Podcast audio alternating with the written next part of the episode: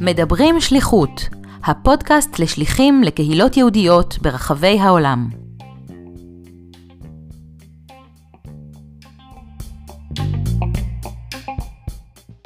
שלום למאזינים, כאן דוקטור אסי אהרונוב. אם נושא של שליחות לקהילות יהודיות בתפוצות מעורר בכם התרגשות מיוחדת, אם הנושא מעניין אתכם כשליחים בהווה או בעבר, אם פעם שקלתם לצאת כשליחים לתקופה משמעותית, ואתם רוצים לשמוע על חוויות השליחות מפי כאלו שהיו שם, אני מזמין אתכם להאזין לראיונות שאני עורך עם שליחים בפודקאסט מדברים שליחות. בכל פרק נראיין שליח או שליחה שישתפו אותנו בחוויות השליחות שלהם. נאזין למה שיש להם לספר בנושאים כגון מה גרם להם לצאת לשליחות, מה היה תהליך ההתאקלמות שלהם בקהילה, מה היו הקשיים או ההצלחות בשלבי הקליטה בקהילה, מה היו נקודות השיא בשליחות כמו גם האתגרים המרכזיים איתם התמודדו, כיצד חוו את החזרה לארץ, מהי לדעתם שליחות מוצלחת ועוד. במיוחד נרצה לשמוע מהם הטיפים שהם יכולים לחלוק עם שליחים אחרים או כאלו ששוקלים לצאת לשליחות. כמי שהיה מעורב בתחום השליחות מזוויות שונות, אני מקווה שגם אתם, כמוני, תמצאו עניין רב במה שיש לשליחים לספר. הפעם אנו שמחים לראיין את שיר עזריה. שיר שבה לאחרונה משליחותה לאוניברסיטת קליפורניה בסן דייגו לאחר שתי שנות שליחות. היא חוותה שליחות שלפני פרוץ הקורונה וגם תוך כדי המשבר. היא מפרטת על הטרנספורמציה שגרמה הקורונה לאופי השליחות שלה ומשתפת באתגרים החדשים שמציאות זו יצרה עבורה, אך גם את היתרונות שסיפקה לה. הבידוד אליו נדרשה עם חזרתה ארצה היווה מבחינתה תקופת מעבר מדורגת מהשליחות בחזרה אל המציאות בישראל, שאפשרה לה לעבד את החוויה שעברה. הריאיון עם שיר הוא הזדמנות מיוחדת להיחשף למעבר של שליח לעבודה בזמן קורונה. אני מקווה שתהנו מהרעיון שערכנו עימה. שיר, שלום, תודה רבה שאת מצטרפת אלינו לפודקאסט, אני ממש אה, כבר נרגש להתחיל לראיין אותך על חוויית השליחות שלך. היי אסי, מה נשמע? היי. אה, לאוניברסיטת אה, קליפורניה בסן דייגו, שחזרת ממש ממש לאחרונה.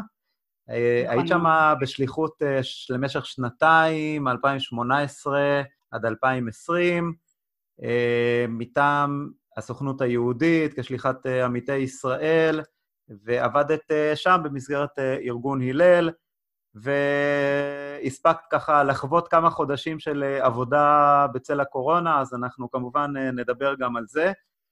אבל בואי בוא נתחיל בהתחלה, וקצת אם תוכלי לספר רקע על עצמך ומה הוביל אותך לצאת לשליחות הזאת. אז uh, בגדול, תמיד uh, היה לי איזשהו יצר סקרנות לגבי תרבויות חדשות בכללי, uh, וגם ספציפית לגבי הקהילות היהודיות ומה בעצם הם עוברים בחו"ל. משהו ככה, סיפור קטן שהיה לי מזה, היה בתגלית דווקא. הייתי חיילת שהגיעה לתגלית לקראת סוף השירות שלי, ובעצם היה לנו פעילות, ככה, אה, שבנגב, בלילה, ופתאום אה, מישהי, אחת האמריקאיות, אה, התחילה לדבר על השייכות שלה למקום ולבכות. בהתחלה אני מודה שהייתי די צינית לסיטואציה, כאילו הייתי כזה, מה, מה בדיוק, למה היא בוכה? לא ממש הבנתי למה. ואז כשחשבתי על זה עוד קצת עם עצמי באותו ערב, הבנתי שכנראה שיש פה משהו שהוא אחר, ומשם מגיע בעצם החיבור שלי, או לפחות ניסיון להבין מה קורה ביהדות התפוצות ומה בעצם הקשר אה, בינינו אה, לבין כל הקהילה בחוץ. אה, תוכלי לספר על השלבים שהיו לפני, לפני היציאה לשליחות, איך נבחר היעד הזה, סן דייגו, איך הכנת את עצמך לקראת השליחות הזאת? אז בגדול יש הכשרה, ולפני ההכשרה, סליחה, יש מיונים. המיונים הם עוברים בשלבים של אה, בהתחלה, אם אני לא טועה, אינטרנטי, משם מגיעים לדינמיקה קבוצתית, רעיון אישי וכן הלאה. יש גם אה, אה, כל מיני מבחני ידע כללי שעושים לנו, דברים ככה, באמת לבדוק ש... שיש לשליח ככה התעסקות בעולם הזה ומעורבות חברתית. ובגדול, משם, אחרי בודקים את כל הדברים האלה, גם מדייקים את זה בשבילך. בעצם במהלך הראיון גם שואלים איזה מין סוג של בן אדם אתה, איפה אתה חושב שיכול להתאים לך, איזה מין סביבת עבודה אתה צריך, איזה מין צוות אתה צריך, גדול, קטן, אתה מעדיף את האינטימי, או מה קורה. ומשם בעצם, אחרי שהגעתי לכל המבחנים שבדקו את האישיות שלי, אז הגעתי לסן דייגו, נמצאתי מתאימה הכי לשם, ומשם הייתה בעצם תהליך היה תהליך הכשרה מאוד ברור. זה היה בזמנו פיזי, לא היה קורונה, אז היה, היינו כולנו, כל השליחים שהתקבלו בקריית מוריה. לפני זה היו כל מיני הכשרות uh, קצרות גם. Uh, קריית מוריה היה הכי אינטנסיבי, היה uh, בעצם שמונה ימים, אם אני לא טועה, של הכשרות עם מרצים וכל מיני סדנאות שמעבירים לנו כדי שנגיע מוכנים. אני מודה ש... אין מה לעשות, שום הכשרה שבעולם לא תכין אותך לדבר, החוויה המטורפת הזאת היא לאין כל שיעור, באמת אה, משהו שהוא לא מהעולם, וניסו להכין אותי בדרך הכי טובה. אז uh, אני אשמח אם תתארי טיפה מה, מה, מה פגש שהגעת לשם, איזה מציאות uh, של uh, עבודה, מה, מה מצאת? אז uh, בגדול זה תמיד מרגיש קצת מסובך להסביר uh, במה בדיוק זה שליחות ומה בדיוק אנחנו עושים. אה, אבל אה, איך שהגעתי, אז הייתי בעצם, אני ממש זוכרת את זה שהסופרוויזרית שלי בזמנו לקחה אותי לסיבוב, ואני כולי בשוק מטורף אה, מה, מה, מהגודל, מה, מהמקום, מהנופים, והיא עשתה לי הסבר כזה קטן על איפה קונים בסופר ודברים בסיסיים כאלה. ומשם הייתה באמת איזושהי נחיתה יחסית רכה, של, אה, של ארגון הלל, שבאמת אה, לוקח אותך וקצת אה, מתווה את הדרך. אמ, ובגדול הייתי אחראית על ניהול וליווי של הקבוצות הפרו-ישראליות בקמפוס, וכל תוכן בעצם שקשור לישראל כחלק מארגון הלל.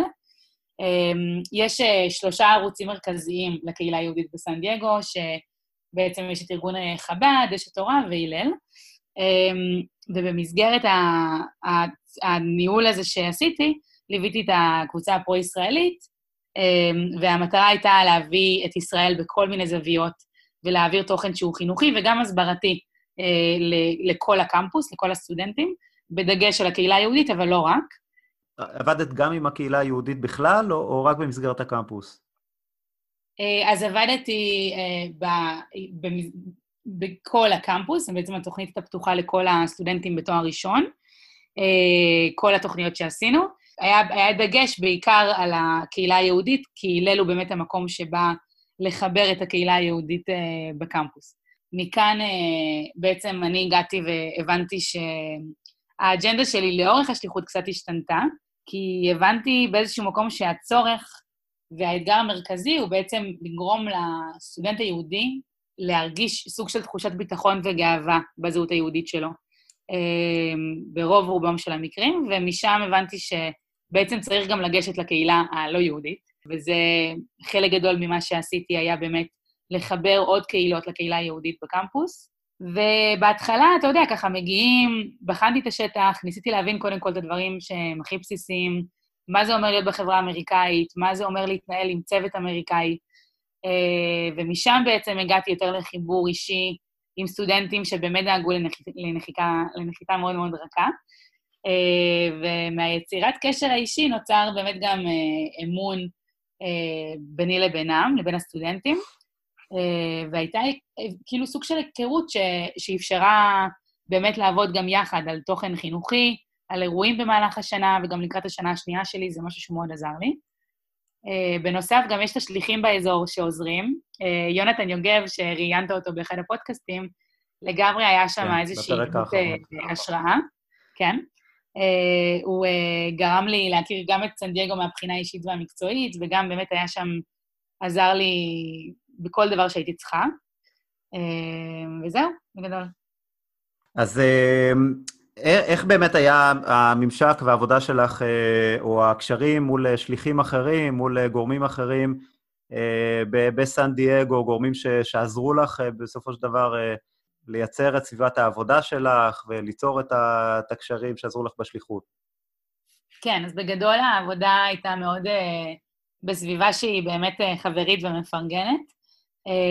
אני חושבת, כמו שאמרתי, יונתן היה אחת הדמויות המשמעותיות, ומעבר לזה גם עבדנו עם עוד ארגונים שהם ככה באים ותומכים גם כלכלית וגם רעיונית, ובאים ונותנים לנו באמת את היכולת לעוף על עצמנו, מה שנקרא, ולהביא את השליחות איך שאנחנו רואים, בצורה המיטבית.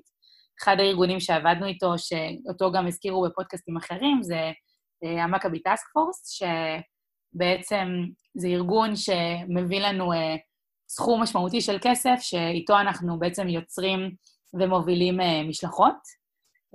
המשלחות האלה בעצם הכילו גם סטודנטים יהודים וגם לא יהודים, וזה היה ממש ההיילייט שלי גם, המקצועי בשליחות, כי שוב, ההתמקדות בזה שבעצם הביטחון והגאווה שיש לסטודנטים בקהילה גם נוצר מהחברים שלהם לכיתה, זה משהו ששינה את, ה, את החלל, אה, כאילו את כל, ה, את כל המרחב העבודה ש, שאפשר לעבוד איתו, וגם זה משהו שיצר אה, תחושה והבנה מאוד מאוד נוחה גם לקהילות האחרות שבקמפוס.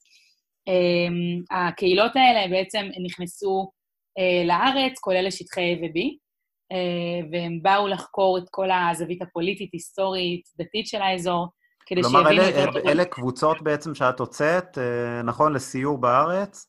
נכון, הוצאתי בעצם מהמיונים, אני ממש בחרתי את הקבוצה, איך היא הולכת להיראות, מי מרכיב אותה, מה, מה התוכן שהולך לעבור, מי הדוברים שמגיעים, לאיזה מקומות בארץ אנחנו מגיעים, וזה כמובן בעזרתו הרבה של הספק.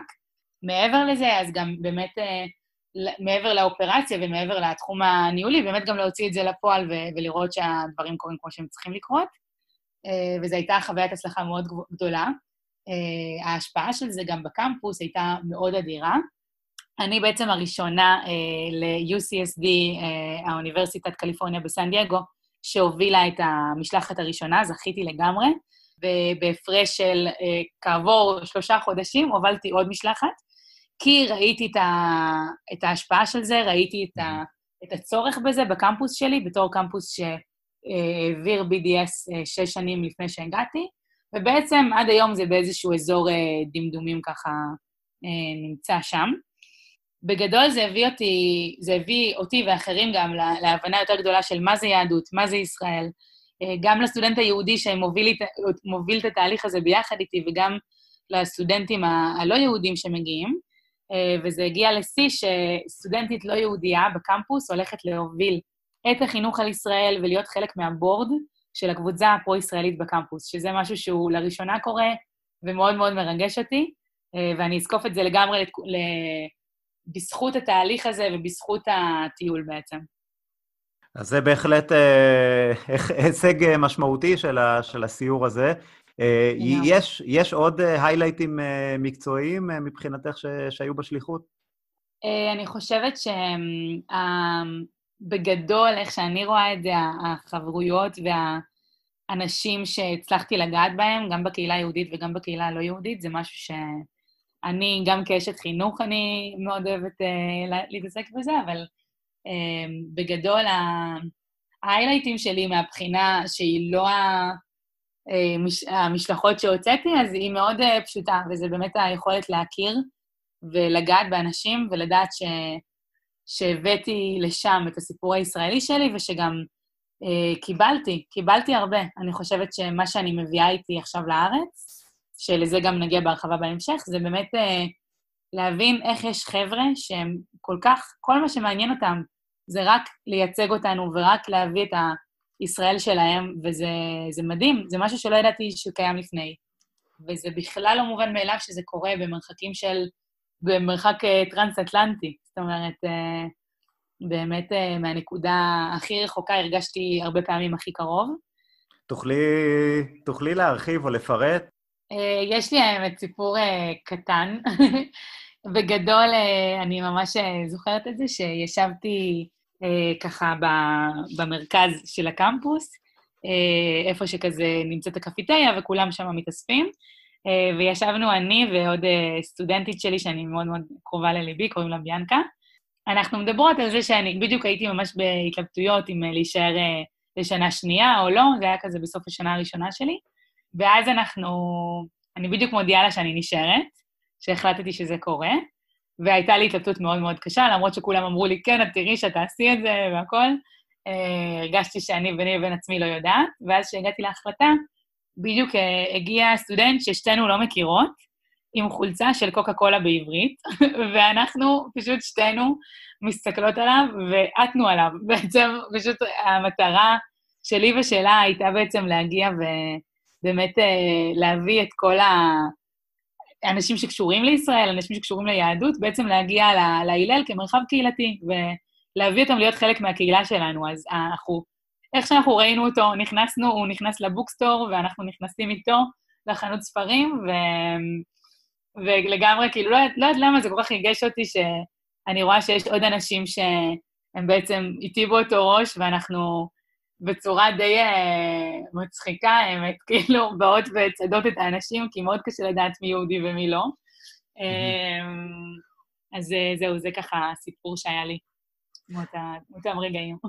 אז באמת שליחים מתארים כל מיני אסטרטגיות של, של עבודה שהם השתמשו בהן. יש עוד איזשהם דרכים שבהם את השתמשת לצורך, ה, לצורך העבודה שלך uh, בקמפוס?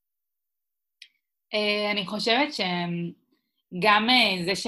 אני חושבת שהנראות שלי פה עשתה הרבה, זה שמגיע בן אדם ש... uh, עם אור שחום וטלטלים כאלה, אפרו קצת, יש שיאמרו ג'ופרו, אז בגדול... לא, לא בדיוק הבינו מאיפה הגעת. כן, לא הבינו מאיפה הגעתי, הרבה, ש...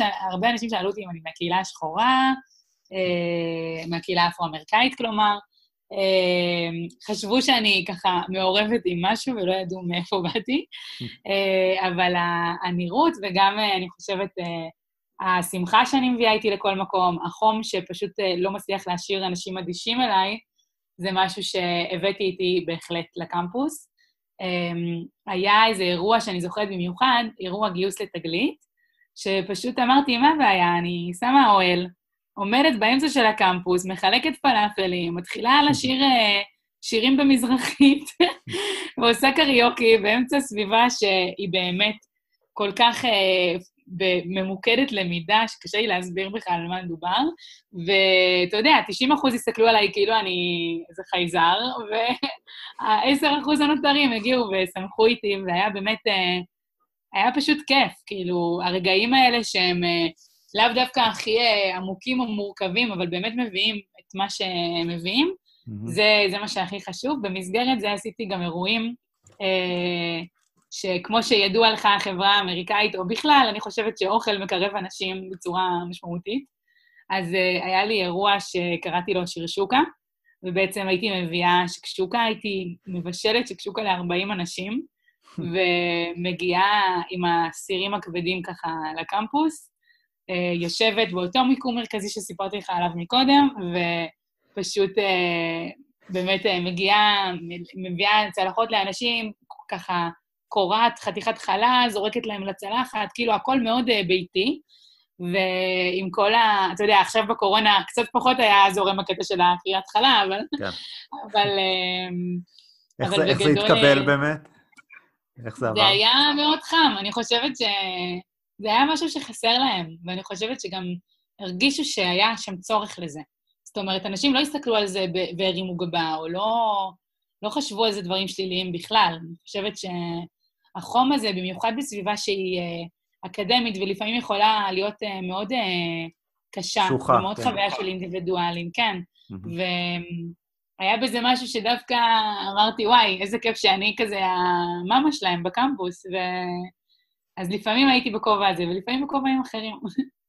אז טוב, זה בהחלט ממחיש את, את העצמיות שלך שהבאת לשם, וזה מאוד מיוחד. ועוד לפני שנגיע לקשיים של הקורונה, אה, היו עוד, היו קשיים ש, שנתקלת בהם, אה, תסכולים, אתגרים מיוחדים שהיו לך אה, עוד לפני תקופת הקורונה, אולי בשלבים הראשונים או בשלבים שאחרי זה, אה, או מול BDS וכדומה? כן, אז בגדול אה, אני חושבת שהיו לי שני אתגרים מרכזיים לפני הקורונה. מחד היה את החיים האישיים ואיך אני מגיעה למצב שאני בעצם, מאיפה מתחילים? כאילו, מאיפה אני יוצרת חברים מאפס, איך אני מגיעה למצב שיש לי שגרה שהיא גם מכניסה את העבודה, אבל גם את החיים האישיים שלי בצורה שהיא בריאה ומאוזנת. אה, ומתישהו, כאילו, בהתחלה ניסיתי לאזן, אבל אה, מתישהו הרוקולית שבי קצת הגיחה לתמונה, ולקחה את המעט זמן פנוי שהיה לי. ואז בקורונה המצב הזה השתנה, אבל נגיע לזה בקרוב. אה, והאתגר הנוסף שהיה לי, בעצם מהבחינה המקצועית, היה באמת שאלה שליוותה אותי מתחילת השליחות עד סופה. בעצם, איך הדרך הכי טובה להתמודד עם, עם שנאה על ישראל, אה, ועם תנועת החרם. אה, בעצם היה לי את האג'נדה שלי שהלכתי איתה, והיא הובילה לדברים שהיא הובילה, אה, אבל היה גם חילוקי דעות בדרך, שהיו מאתגרים ופשוטים, ולא פשוטים אפילו לא פחות מזה. בעצם הבנתי גם שאין מה לעשות, זאת אומרת, צריך להיות עם איזושהי אסטרטגיה שאתה מאמין בה ומרגיש אותה כאילו שהיא הכי נכונה, והיה לי חשוב מאוד שהסטודנט היהודי ילך עם ראש גאה בקמפוס, ו... ושלא יפחד לדבר על ישראל ו- ולדבר על, ה- על כל מה שישראל מביאה איתה, על המורכבות שלה ועל האתגרים, כי זה באמת מאוד קשה. אבל אה, אז האתגר המרכזי בעצם, הייתי אומרת, גם לעבוד עם, אסטרטגית עם הרבה מאוד ארגונים על איך מביאים את ישראל לקמפוס, אבל גם מה, מהבחינה של באמת, אה, צריך להבין ששונאים ישנאו, וצריך אה, לראות איך באים ו- ומגשרים על הפערי ידע שיש לאנשים על ישראל בדרכים אחרות ועם קבוצות אחרות. אז מה, מה היו האסטרטגיות שלך בפועל? זה הדברים שתיארת אה, לפני כן, כמו הסיורים? כן, אז בעצם גם המשלחות הם היו סוג של אה, תהליך ש, שפתח דלת להרבה מאוד קשרים בקמפוס. העבודה הייתה בעיקר מהבחינה האישית, לבוא ולשבת אחד על אחד עם עם הרבה מאוד אנשים, עם הרבה מאוד קבוצות, בעצם להבין איך אה, מגיעים ונוגעים בחיים של בן אדם אינדיבידואל, ומשם מגיעים גם אולי לקבוצות שהוא מעורב בהן, ואולי עושים שיתופי פעולה עתידיים. זה משהו שאנחנו, אני חושבת שהוא, השיא שלו התבטא מבחינתי, כאמור, בזה שסטודנטית לא יהודייה הגיעה להיות מעורבת בקבוצה הפרו-ישראלית, אבל אני יכולה להגיד שזה היה, זה, זה באמת פתח שרק אה, הולך וגדל בעצם. זאת אומרת, אני מרגישה שהתהליך אה, התחיל במידה מסוימת והוא עוד ימשיך. האסטרטגיה אבל עצמה היא כאילו קצת אה, להסביר, זה בעצם יצירת אה, קשיים, קשרים אישיים, באמת לבוא ולבנות מערכות יחסים, באמת, ולהבין שלפעמים אה, לשים את, אה, את ישראל ככה בפרונט, כאילו, על ההתחלה כשמדברים על בן אדם, זה, זה לא דווקא הדרך הכי טובה להתחבר עם בן אדם. צריך באמת להבין מה, מה הקשיים, גם של מיעוטים אחרים, גם של קבוצות אחרות בקמפוס, ולראות איך יוצרים את הדרך הכי טובה להגיע אליהם ולהבין שיש פה עוד מיעוט שנמצא, שהוא מיעוט יהודי. Uh, בעצם באוניברסיטה שלי היה בין 1 ל-2 אחוזים בקמפוס, זה הכל. Uh, מהם, אולי ישראלים, אפילו תיקח מזה עוד, עוד פחות אחוזים, אז uh, יש, פה, יש פה עניין של אנשים שמרגישים לא בנוח עם הזהות, ו... שהחברים שלהם לכיתה לפעמים גם גורמים להם להרגיש לא בנוח, לפעמים אפילו מרצים, אה, ובגדול, זהו. איך, איך את היית מגדירה אה, מדדים של, של הצלחה בשליחות אה, מסוג שלך? אז בגדול, אני חושבת שכל בן אדם שנוגע בלבבות של הסובבים אותו, אני אעבור ללשון נקבה, סליחה, מישהי שיודעת להביא את ישראל בהרבה צורות יצירתיות וגם לא מאוסות, אה, ומישהי שתדע להכיל גם את המורכבות של ישראל, גם שיחה קשה אה, על כל הפנים של מה שזה מביא איתו. אה, ובנוסף, גם שתצליח, משהו שאני לא הצלחתי, לאזן בין העבודה לבין החיים האישיים, ואז בכלל היא תהיה מושלמת, כאילו, זה, זה מה שצריך בעצם, זה הפורמט. כן, זה באמת משהו ש, שהרבה שליחים מתארים, את, ה, את הקושי הזה באיזון ואת ה... הגלישה המאוד קלה בין, אה, בין העבודה לחיים האישיים. זה בהחלט נושא, נושא שצריך לתת עליו את הדעת. אמ, אז בוא, בואי נעבור לתקופה של, ה, של הקורונה, שזה באמת אה, משהו שהגיע ככה במהלך השנה השנייה שלך, של, ה, של השליחות, והיית צריכה אה, להתאים את העבודה שלך, אני מניח, לצורה אחרת של, של פעילות, לסביבה, סביבת עבודה אחרת, הכל בעצם משתנה סביבך, וכתוצאה מזה, מזה גם העבודה שלך אה, נכון, משתנה. נכון, אז בגדול אה, הקורונה די הפתיעה את כולנו, נראה לי, אני לא היחידה. ואותנו זה באמת תפס בתקופה ש... בשיא התקופה בעצם של השליח, זאת אומרת, יש, יש לנו מערכת שמחולקת לרבעונים, ורבעון אביב היה אמור להביא איתו המון דברים על ישראל, המון תוכניות שבנינו מראש, שבוע ישראל בקמפוס קורה שם, גם השבוע אה, של הרעים, סתם, של השבוע אה, בעצם אה, לצדק בפלסטין, הם קוראים לו, אה, שזה בעצם ממש שבוע עם אה, חומת אפרטהייד, אה, שמסמלת כמובן את אה, גדר ההפרדה, הרבה דברים על ישראל שנאמרים שם. אה, לא כולם, אה, אתה יודע, שקרים, חצאי שקרים, יש, יש שם הרבה דברים. שזה היה אמור לקרות מתי? הכל היה אמור לקרות באותו זמן שהקורונה התחילה. זאת אומרת, כן. בסביבות אמצע אפריל, תחילת מאי, בעצם היה אמור להיות השיא של התקופה ושל העבודה עם הסטודנטים על כל מיני תוכניות שקשורות לישראל. כן. וזה היה מצד אחד הקלה, כי אתה אומר, אוקיי, כאילו, יש פה גם את הקבוצות האנטי-ישראליות שלו מכינות את, ה, את הדברים שלהם, ומצד שני גם אה, היה הרבה דברים שנהרסו בעקבות זה, זאת אומרת, אה, החגיגה של יום העצמאות נראתה אחרת לגמרי ממה שהיא יכלה להיות. אמ, כל החגים, מועדי ישראל, היה, היה הרבה עבודה מאחוריהם והרבה השקעה שקצת הלכה לפח בגלל הקורונה. אה, אבל בגדול היה... בהתחלה, האמת שהפתעתי את עצמי, הקורונה כן אה, באה בתקופה שאני, אנחנו היינו בכנס אה, שליחים, ומשם אני נסעתי לטייל עם חברה בניו יורק, מאוד, עוד לא הבנו מה קורה, כאילו מאוד התבדחנו על העניין ועל מה שקורה שם.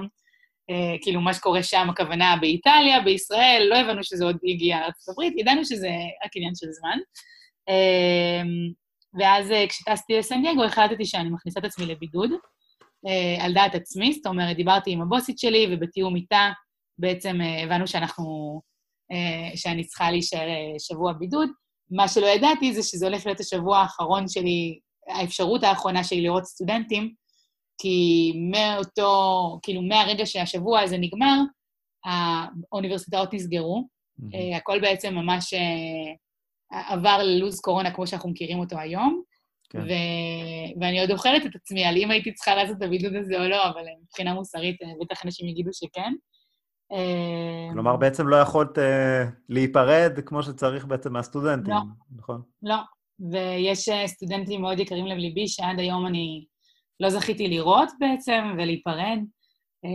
יש המון מקומות שאתה יודע, העברת כל התקופה במקומות מסוימים שלא תוכל כאילו לסגור את הדלת ולהגיד ביי. אמ, וזה היה, זה היה מטלטל. מהבחינה המקצועית היה מאוד קשה להבין איך, איך בעצם נערכים לזה, כאילו איך אה, ממציאים את עצמך מחדש, מביאים את החינוך אה, לפורמט ש, אה, שהוא יותר בעצם במרחב הווירטואלי. שזה כן. מרחב שבלי שום קשר מאוד קשה לי איתו בתור אה, טכנופובית, אבל, אה, אבל אה, באמת... לא, לא מסוג הדברים ש, שהכינו אותך לקראתם. לגמרי. זה לא... לגמרי. לא ממש, לגמרי. מ, כן, מעבודתו הסדירה של שליח. ממש, ו... וכן, ובגדול הסוכנות היהודית וגם הלל הביאו היערכות אדירה, אין לי מושג מאיפה, כאילו מישהו ידע שיש קורונה עוד לפני שהייתה קורונה. אה, וממש אה, היה המון אירועים שהם הכינו, המון אה, בעצם, אם זה תוכניות שקורות בזום, או ספיקרים שמגיעים לדבר, היה בעצם המון השקעה והיערכות סביב זה, שגרמה לזה להיות, לפחות בשביל הסטודנטים שכן חיפשו קהילה לאותו זמן, משהו שהוא מנחם. האירועים האלה היו מקוונים כמובן ברובם. כן, כולם. כולם היו מקוונים, אה, כולם היו בעצם אה, בסביבה הזומית, למדנו מאוד איך להתנהל עם זה, פתאום אתה רואה אנשים עם אה, רקעים שונים, פתאום יש חדרים שאפשר ללכת אליהם. זה היה בהחלט תקופה מעניינת. היה במקביל גם הכשרה של הסוכנות, של ממש לפתוח את הראש יצירתי. זאת אומרת, להביא, להביא בעצם תערוכות שהן וירטואליות לקראת יום הזיכרון, למשל, או אה, לעשות איזשהו סיור אה, וירטואלי אה, בארץ, אה, ככה לקראת יום העצמאות, בעצם לחשוב על איך הם מציינים את הדברים בצורה שהיא יכולה להיות לא מעושה, אבל עדיין כזה משהו שהוא ויר, וירטואלי, ואיכשהו, uh, אתה יודע, אטרקטיבי לעיני הצופה. ובגדול זה היה מאוד מאוד קשה, שוב, מהבחינה המקצועית, אבל מהבחינה האישית זה פתאום uh, גרם לוורקוהולית שבשנייה להוריד הילוך, ובעצם זה הביא אותי למצב שאני אה, ממש, אה, אפשר לומר, פרחתי בחיים האישיים. פתאום אני מחפשת אה, כזה תחביבים, והתחלתי לנגן על כל מיני אה, כלי נגינה, והתחלתי אה, ללמוד ערבית, והתחלתי אה, לנסות, ללמוד לגלוש, כאילו דברים שלא לא ניסיתי אותם בעצם לפני זה, אה, ושהיו כל הזמן קיימים אה, ככה בסן דייגו ובכלל, אה, ופשוט אה, לא היה לי את הפנאי אליהם. כלומר, ו... הלו"ז שלך בעצם, אה, מניח, הלו"ז של, של שליח הופך להיות פחות צפוף ב, בסיטואציה כזאת. נכון. בעצם הבנתי שהדבר הכי משמעותי שאני יכולה לעשות כשליחה, בזמן, בשעות העבודה, זה לעשות שיחות שותפות עם סטודנטים, לבדוק מה איתם, לראות באמת כזה איך הם עוברים את התקופה הזאת, ולהתעדכן מהם. הבנתי שהשיחת טלפון הזה של היי, מה נשמע, ולהראות שאני שם בשבילם, מבחינתי לא הרבה מאמץ, אבל בשבילם היא יכולה להיות עולם. כי באמת יש הרבה אנשים שעברו את זה עם, עם, עם חרדה מאוד גדולה. אה, אני חושבת שיש גם משהו בחברה הישראלית שיודע יותר איך להתמודד עם משברים מהבחינה הזאת. זאת אומרת, כן. אנחנו חיים במציאות קיימת שהיא אה, יכולה להיות אה, מציאות יומיומית לא פשוטה, מציאות שהיא לא תמיד הרמונית, כמו שאנחנו יכולים לראות בארצות הברית. ו...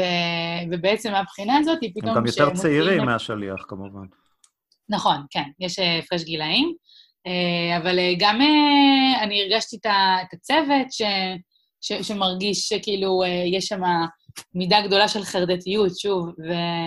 כן. וניסיתי לשמור על קור רוח ולהביא את עצמי, כמו שאני יודעת, רק באמת במרחב של שיחת טלפון או שיחת וידאו, ושם בעצם הנקודות האישיות האלה היו הכי משמעותיות בעיניי. אה, שוב, הפלטפורמה הייתה שם, התוכניות אה, שרצו גם מההלל ואינטרנשיונל וגם אה, מצד הסוכנות היו שם, וכיוונו אליהם סטודנטים כשהיה צורך. הרגיש לי שמשם לעשות עוד אירוע וירטואלי זה לא משהו שהיה צורך אליו, אלא יותר באמת מעגלי שיחה, או דברים שאפשר איכשהו לעזור בפלטפורמה שאני יכולה. ו... וזה מה שעשיתי. וחלק אה, מהפעילויות אה, ש, שהיו אמורות אה, להתרחש, או חלק מה, מהעבודה של שליח בכלל בקמפוס, כמובן שכבר לא מתקיימים במרחב הווירטואלי, אני מניח שפחות היית צריכה להתעסק עם, עם ארגונים כמו, כמו BDS, זה כבר משנה את האופי של העבודה לגמרי. אמ, אז אה, תהיה מופתע, אבל בגדול אה, היה, גם בתקופה הזאת, אולי בעיקר בתקופה הזאת, היד אה, קלה על המקלדת, מה שנקרא, ועם כל המאורעות בארצות הברית, מה שקרה עם ג'ורג' פלויד, ו, ומה שבעצם הוביל גל של מחאות אדירות. החיבור לישראל היה רק עניין של זמן, וחתמו, בעצם הוציאו מחאה ש... קוראת להרבה מאוד דברים ומוצאת מאמרים וכישורים לאיך ה-IDF קשור בעצם לאיך שמאמנים משטרה בארצות הברית, ובעצם ניסו לסובב את זה ככה שהמאבק uh, של הקהילה האפרו-אמריקאית uh, יבוא ביחד עם, ה- עם ה-BDS ועם התנועות חרם uh, שאנחנו מכירים. Uh, שזה היה יצירתי, זה היה מפתיע, אני לא אשקר, לא, לא, בעצם זה לא היה כזה מפתיע, סליחה. אה, זה היה די אה, עניין של זמן, כמו שאמרתי. ו, ובגדול, אה, משם היה סוג של עצומה שאנחנו עד עכשיו, אנשים, גם אחרי שעזבתי, בעצם מתנהלים איתה ומתעסקים בה. זה משהו שהוא כל הזמן קורה, אם זו מלחמה שהיא ברשת, או אם זו מלחמה שהיא פרונטלית, זה, זה עדיין, זה בהחלט משהו שהוא מסוג אחר, כי זה לא in your face, מה שנקרא, אבל זה, זה לגמרי in your screen, אז זה בעיה. אז אה, כן, בעצם זירת המאבק אה, הפכה, לה, הפכה, הפכה להיות במרחב הווירטואלי, אבל אני מניח שגם אה, שם זה כבר לא רק את צריכה להתמודד עם זה לבד בתור שליחה, אלא כבר נכון. הרבה גורמים אחרים, גם מישראל, יכולים לעזור ולהתגייס במאבקים האלה. נכון, אני חושבת שזה בהחלט מקל על העניינים מהבחינה של הניידות שיש לנו לזה, הגישה שאפשר, אתה יודע, התכנים שאפשר לחסום, שהם מרגישים שהם פוגעניים או שהם אנטישמיים. ובעצם מכאן אפשר לקחת את זה באמת למקומות אחרים, ובעצם לעשות את הבדיקה המעמיקה ולתת לכל הרשתות החברתיות לעשות את הבדיקות המעמיקות שלהם כדי שזה לא יקרה.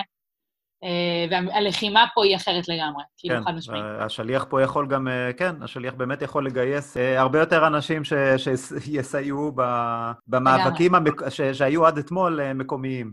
לגמרי.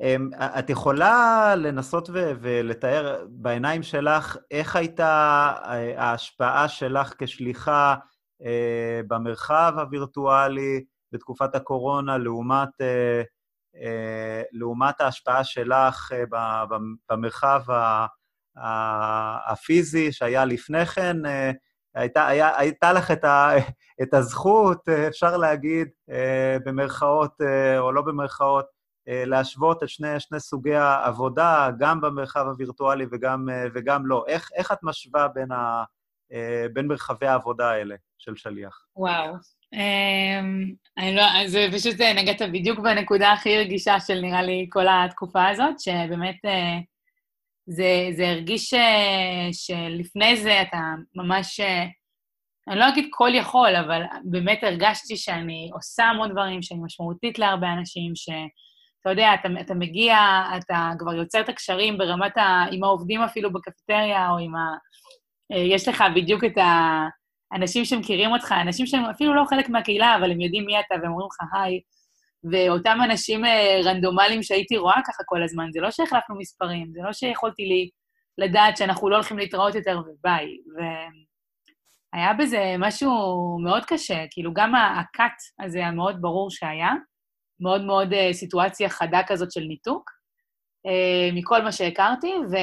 ומעבר למשהו חדש שלא ידעתי מה הוא יביא איתו.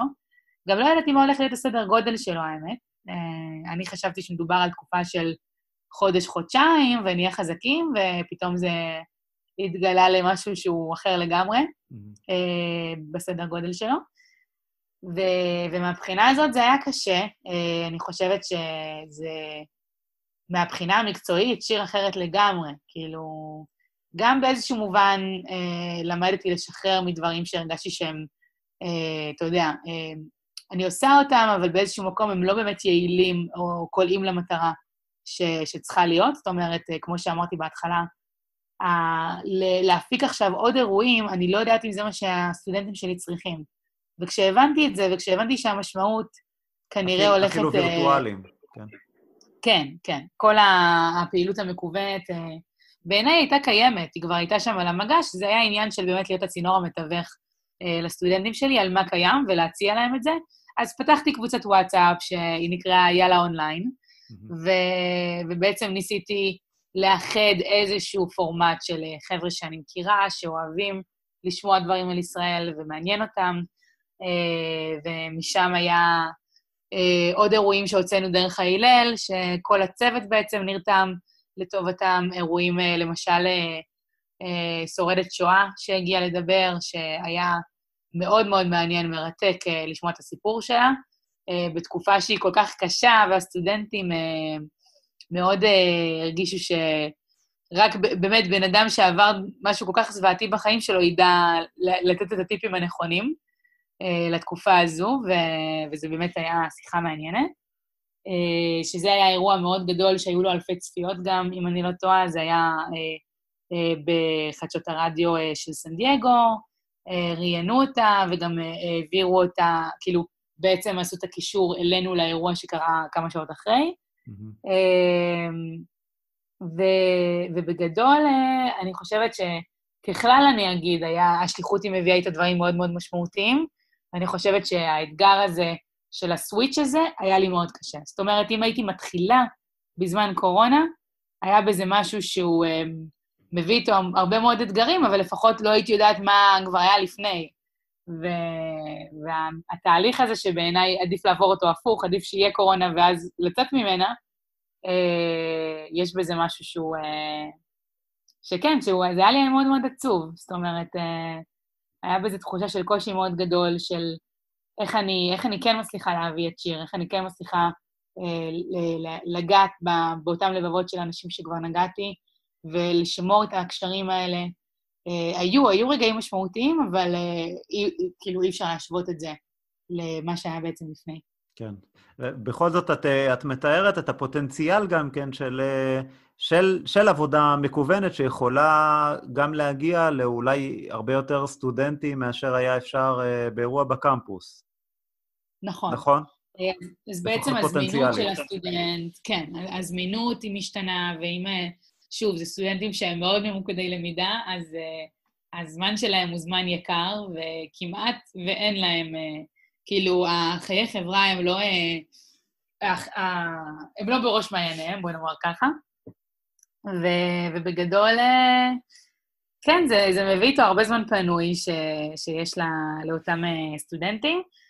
הקושי בזה הוא באמת כמה זמן מסך בן אדם יכול שיהיה לו ביום, כן. וגם באמת להבין איך ניגשים לדבר, לדבר הזה בצורות יצירתיות ואחרות. למשל, המתנת uh, פרידה שהבאתי לסטודנטים שלי זה שני ספרים uh, על ישראל, קשיחים, שיגיעו אליהם לבתים, uh, עם uh, מכתב שכתבתי לכל אחד מהם. מדובר על סטודנטים שהיו איתי חלק מהתהליך אה, של הטיול, של ה-Fact Finders, שסיפרתי עליו מקודם, ובעצם אה, אותם סטודנטים שיצאו איתי למשלחות, אה, קיבלו כל אחד, מדובר על בערך 40 אנשים ועוד בערך 20 חבר'ה נוספים, שכתבתי להם מכתבים אישיים לכל אחד. ו... והמכתבים האישיים בצירוף הספר היה בעצם ה...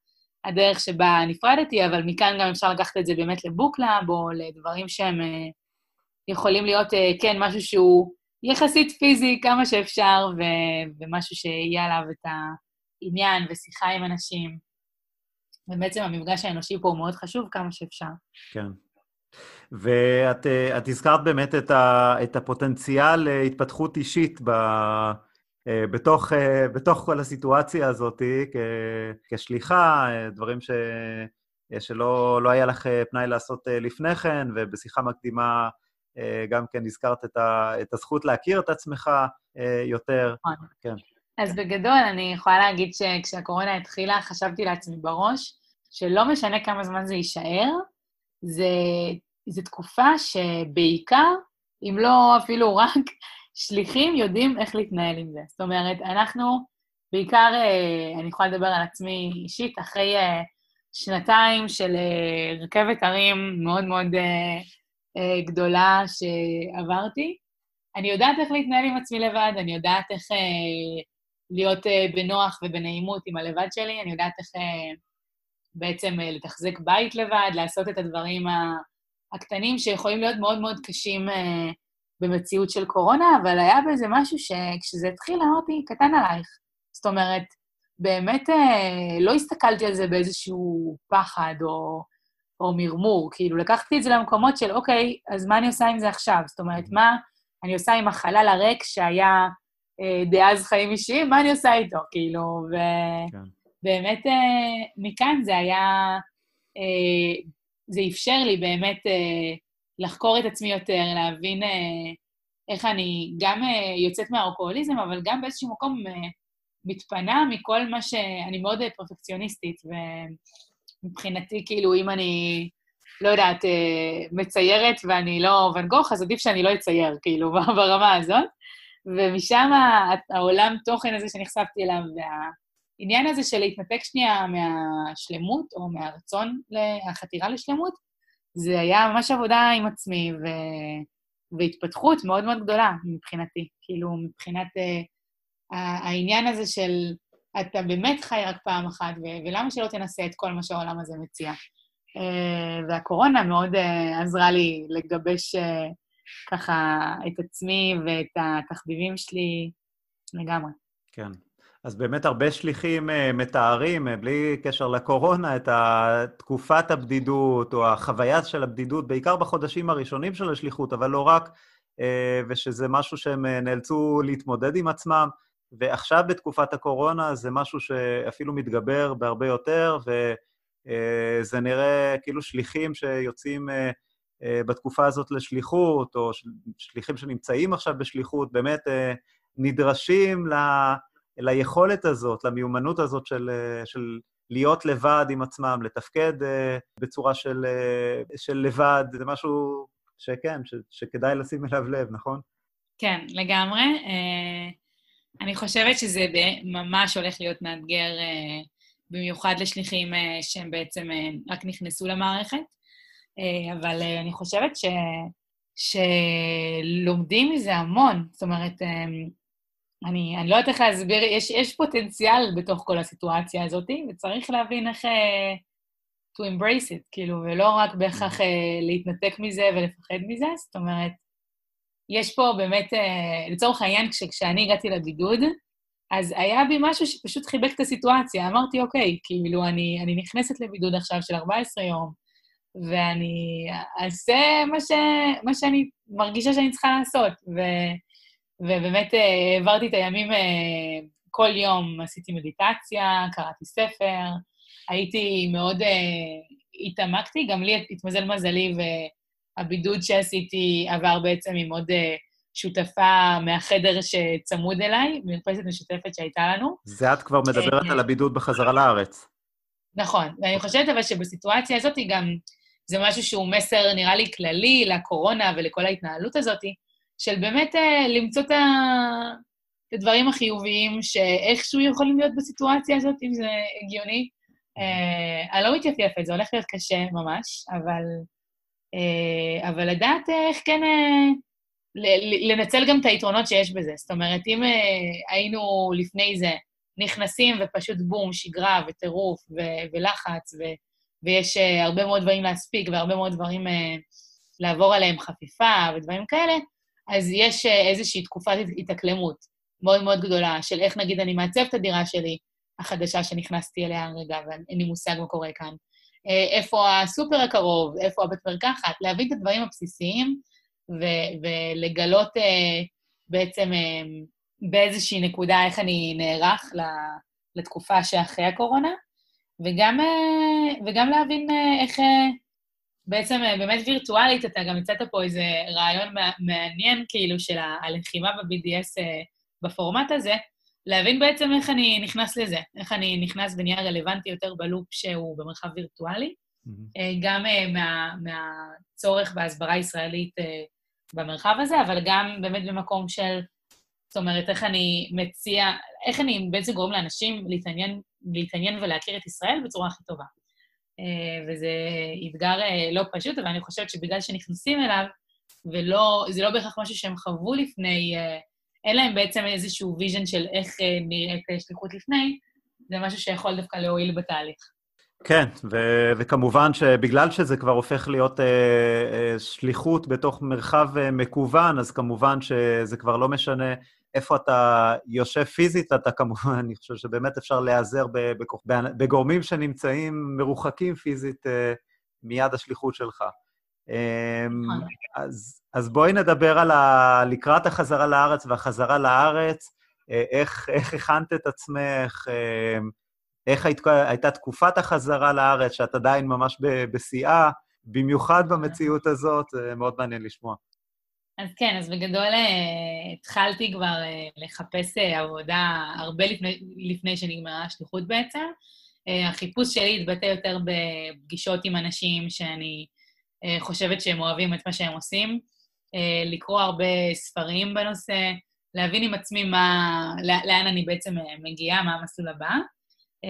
ובגדול, מהבחינה הזאת לא הגעתי למשהו שהוא לא, לא נחתתי בעצם לעבודה ולידיעה למה אני נכנסת, כי גם קורונה וגם uh, בעצם עוד הייתי צריכה לגבש את זה עם עצמי. Uh, ובגדול נחתתי לבידוד, uh, למלון של כל מי שחוזר מחו"ל בעצם. הנחיתה הזאת הייתה די טובה למישהו שסיים שליחות. גם אמרתי לך את זה מקודם, שאם לא היה את הבידוד, היה צריך להמציא איזשהו פורמט דומה, כי באמת יש איזשהו משהו שגורם לך לסכם וגורם לך אה, לעבור איזשהו עיבוד עם עצמך של מה עברת שם. זאת אומרת, אה, כי באמת זה אפשר לי לסכם ולאבד עם עצמי את כל החוויה הזאת של השליחות. אה, ואפילו הגעתי למצב שאני, אה, וזה קטע, אני אה, חלמתי על סן דייגו וחלמתי על סיטואציות שהיו בסן דייגו בבידוד, ומהרגע שנגמר הבידוד, אז הפסקתי לחלום על זה. זאת אומרת. פתאום היה איזשהו משהו, אפילו בתת-מודע ובמודע, שעבר הלאה בצורה שהיא חד משמעית. זאת אומרת, כאילו לא היה סגרת את המעגל בעצם. כן, ו- וזה היה די טירוף, ואני לא בן אדם שזוכר את החלומות שלו בכלל, אבל mm. אה, לפחות אה, בבידוד היה שם, אולי זה גם הג'טלג, מי יודע, אבל אה, היה שם משהו שממש פתאום אה, הכניס אותי לאווירה כזאת של להבין אה, עם עצמי וגם עם אה, וואגה, השליחה שהייתה בחדר ליד, בעצם להבין מה, מה היה שם. ולדעת לסכם את זה בצורה הכי רגועה, והכי אה, יפה ונכונה לאותו רגע. באמת יש משהו בזה שאתה עוצר הכל, ואתה מגיע להתבחבש עם עצמך על מה היה שם, מה זה בעצם מה שעשיתי, מה, מה מכאן, וזה זה תחושות שהן אחרות כשאתה מגיע גם לסיום. זאת אומרת, אה, יש בזה הרבה, הרבה הרבה תחושות אחרות שנוספות לזה, כי אתה מגיע לתהליך חדש, כי אתה מרגיש את זה בפתח, זאת אומרת, אתה עוד שנייה שם, ואתה מדבר כבר עברית, וכולם מבינים עברית, זאת אומרת, היה שם איזושהי נחיתה רכה גם מהבחינה של ה-culture shock ש- שיכל להיות. אמ, ו- וזהו, אז משם הגעתי אה, לארץ, אני טכנית אה, פה איזה שבועיים וחצי.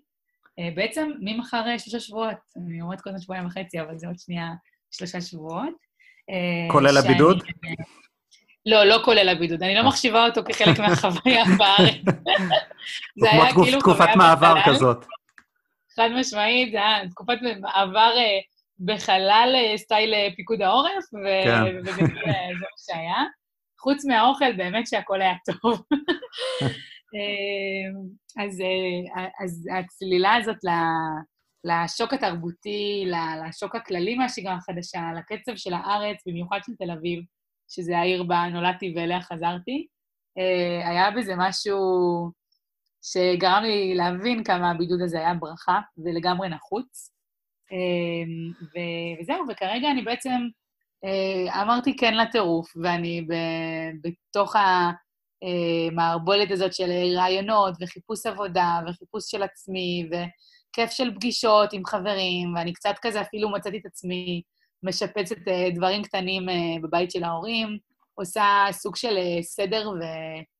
וניקיון של להעיף דברים שפה אני בעצם לא הגעתי לבית של ההורים מזה עשור, מבחינת להגיע ליותר מסופה, של תקופה קצרה. ופתאום, אתה יודע, למצוא ברכות שנה טובה מגיל שמונה, זה משהו שצריך כבר לזרוק, זה משהו שצריך לדעת להיפרד ממנו. אז היה שם איזשהו תהליך של באמת, אה, אתה אומר לעצמך, אין לי אף פעם זמן לעשות את הדברים האלה, ופתאום היה זמן. אז, אה, זה היה תהליך של סינון משמעותי, אה, של סוג של ציוני דרך, של צבא ותואר ודברים ששמרתי, אני גם אוגרת דברים מימים ימימה, אז היה שם הרבה מאוד דברים שהעלו זיכרונות טובות, טובים וכאלה שפחות. זה היה מעניין, ממש ממש אה, תקופה מעניינת. אז אה, זה מעניין שאת אה, באמת מציגה איזושהי פרספקטיבה אחרת משליחים שלפעמים אמרו שמאוד חשוב להגיע כבר לאיזושהי מסגרת מסודרת מיד אחרי השליחות, ודווקא את פה מציגה איזושהי פרספקטיבה טיפה, טיפה אחרת של שכן אפשר טיפה לעצור ולחפש ולחשוב ולעכל. מעניין גם מה שאמרת לגבי תקופת הבידוד והיתרונות שלה, אה, והאמת היא שחלק מהמטרה של הפודקאסט אה, שלנו זה באמת לתת איזושהי הזדמנות לשליחים אה, לאבד את החוויה שלהם ורגע לעצור ולהסתכל אחורה ולהבין מה, מה הם עברו. אז זה בהחלט אלמנט מאוד, מאוד חשוב בחזרה לארץ. יש עוד איזשהם טיפים ככה לפני, ש, לפני שנסיים, שאת חושבת שכדאי להציע לשליחים שנמצאים בתקופה הזאת של, של הקורונה בשליחות, דברים שיכולים עוד לעזור להם להתמודד עם, ה, עם, עם מה שהם נדרשים לעשות, שדברים שלא לא הזכרת? אז בגדול, כאלה ששוקלים, אם בעתיד לעשות שליחות, אז לגמרי שילכו על זה, כאילו, בלי היסוס. אני חושבת שאני כבר מתגעגעת לחוויה הזאת, שהיא באמת אה, רכבת הרים, עם קורונה, בלי קורונה, של רגשות, הרפתקאות, שבאמת לא משתוות לשום דבר שעברתי עד אז. זאת אומרת, באמת, אה, ועברתי המון, ואני חושבת שזה, אה, להניח את זה כאן זה חשוב. לכאלה שהם תוך כדי התהליך ומתחילים אה, כאילו את השליחות, לקחת את הדברים גם בפרספקטיבה שהיא בפרופורציה ובחיוביות, ו- ולקחת גם את הדברים האיכשהו טובים שהקורונה כביכול הביאה איתה, ולחקור באמת את החיים האישיים שלהם, את עצמם. זה לגמרי הזמן ל-work-life balance שהצגתי, ובאמת לחשוב על איך בא להם לפתח את עצמם, לא רק מהבחינה המקצועית, גם מהבחינה האישית, כי זה זמן מעולה של באמת נקודה שהיא חדשה, נקודת תפנית בחיים שלהם, נקודה שהם לא היו בה קודם מבחינת היציאה מהאזור נוחות, שמאוד מאוד uh, מאתגרת, אבל היא גם מאוד מאוד מרעננת באיזשהו מקום, ולדעת איך uh, לחבק את זה.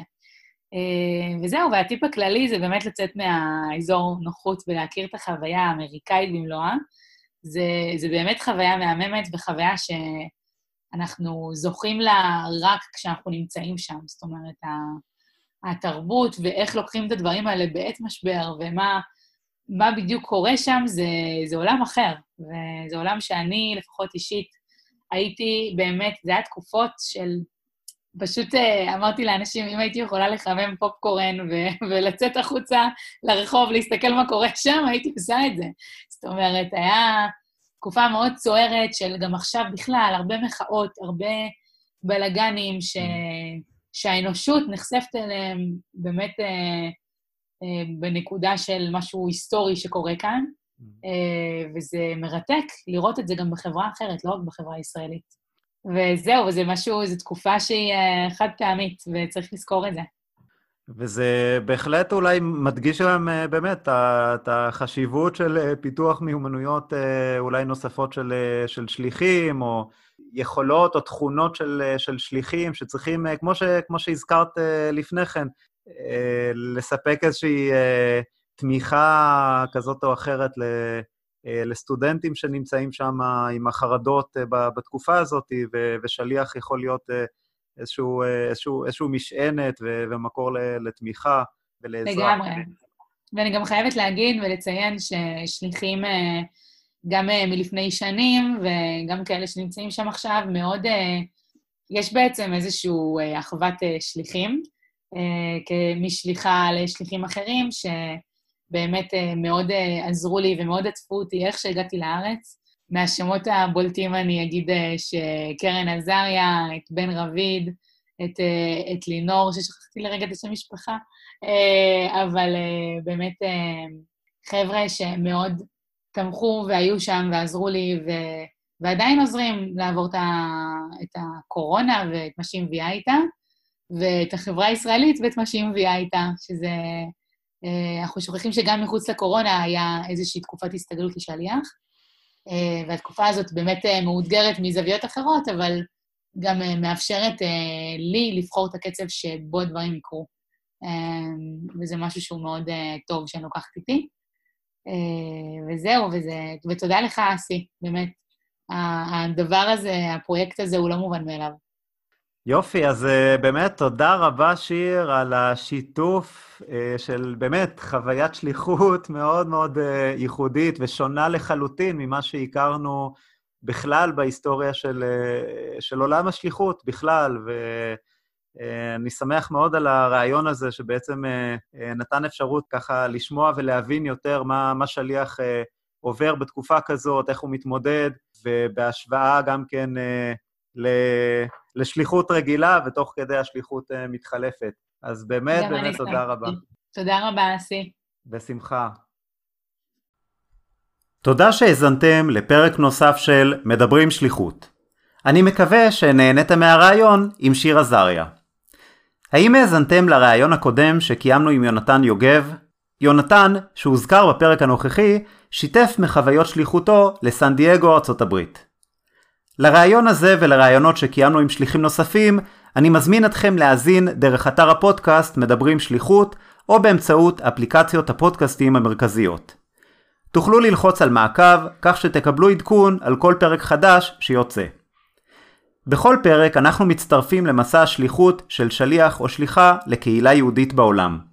אם גם אתם הייתם שליחים בעבר, או אם אתם שליחים בהווה, או אם אתם מכירים שליחים אחרים שישמחו לשתף בסיפורים ובטיפים, אני מזמין אתכם ליצור איתנו קשר באמצעות המייל מדברים שליחות כרוכית gmail.com או באמצעות צור קשר באתר הפודקאסט מדברים שליחות.com.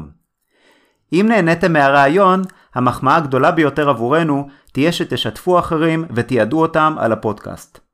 בנוסף, אני מזמין אתכם לשלוח אליי סיפורים או אתגרים מיוחדים משליחויות, במיוחד בתקופת הקורונה, ומה היו דרכי ההתמודדות. אשמח לשמוע מכם כל הצעה או שאלה בנוגע לפודקאסט, אני מזמין אתכם לכתוב לי במייל מדברים שליחות כרוכית gmail.com. תודה ולהשתמע בפרק הבא.